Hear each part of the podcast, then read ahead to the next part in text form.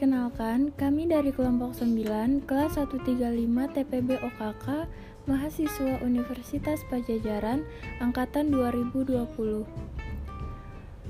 Kelompok ini beranggotakan saya sendiri, Feni Maratun Soleha, bersama teman-teman saya Fatia Sekardias, Rahel Yuanita, Dewi Ratna Setianingrum, dan Siska Nur Khalifah.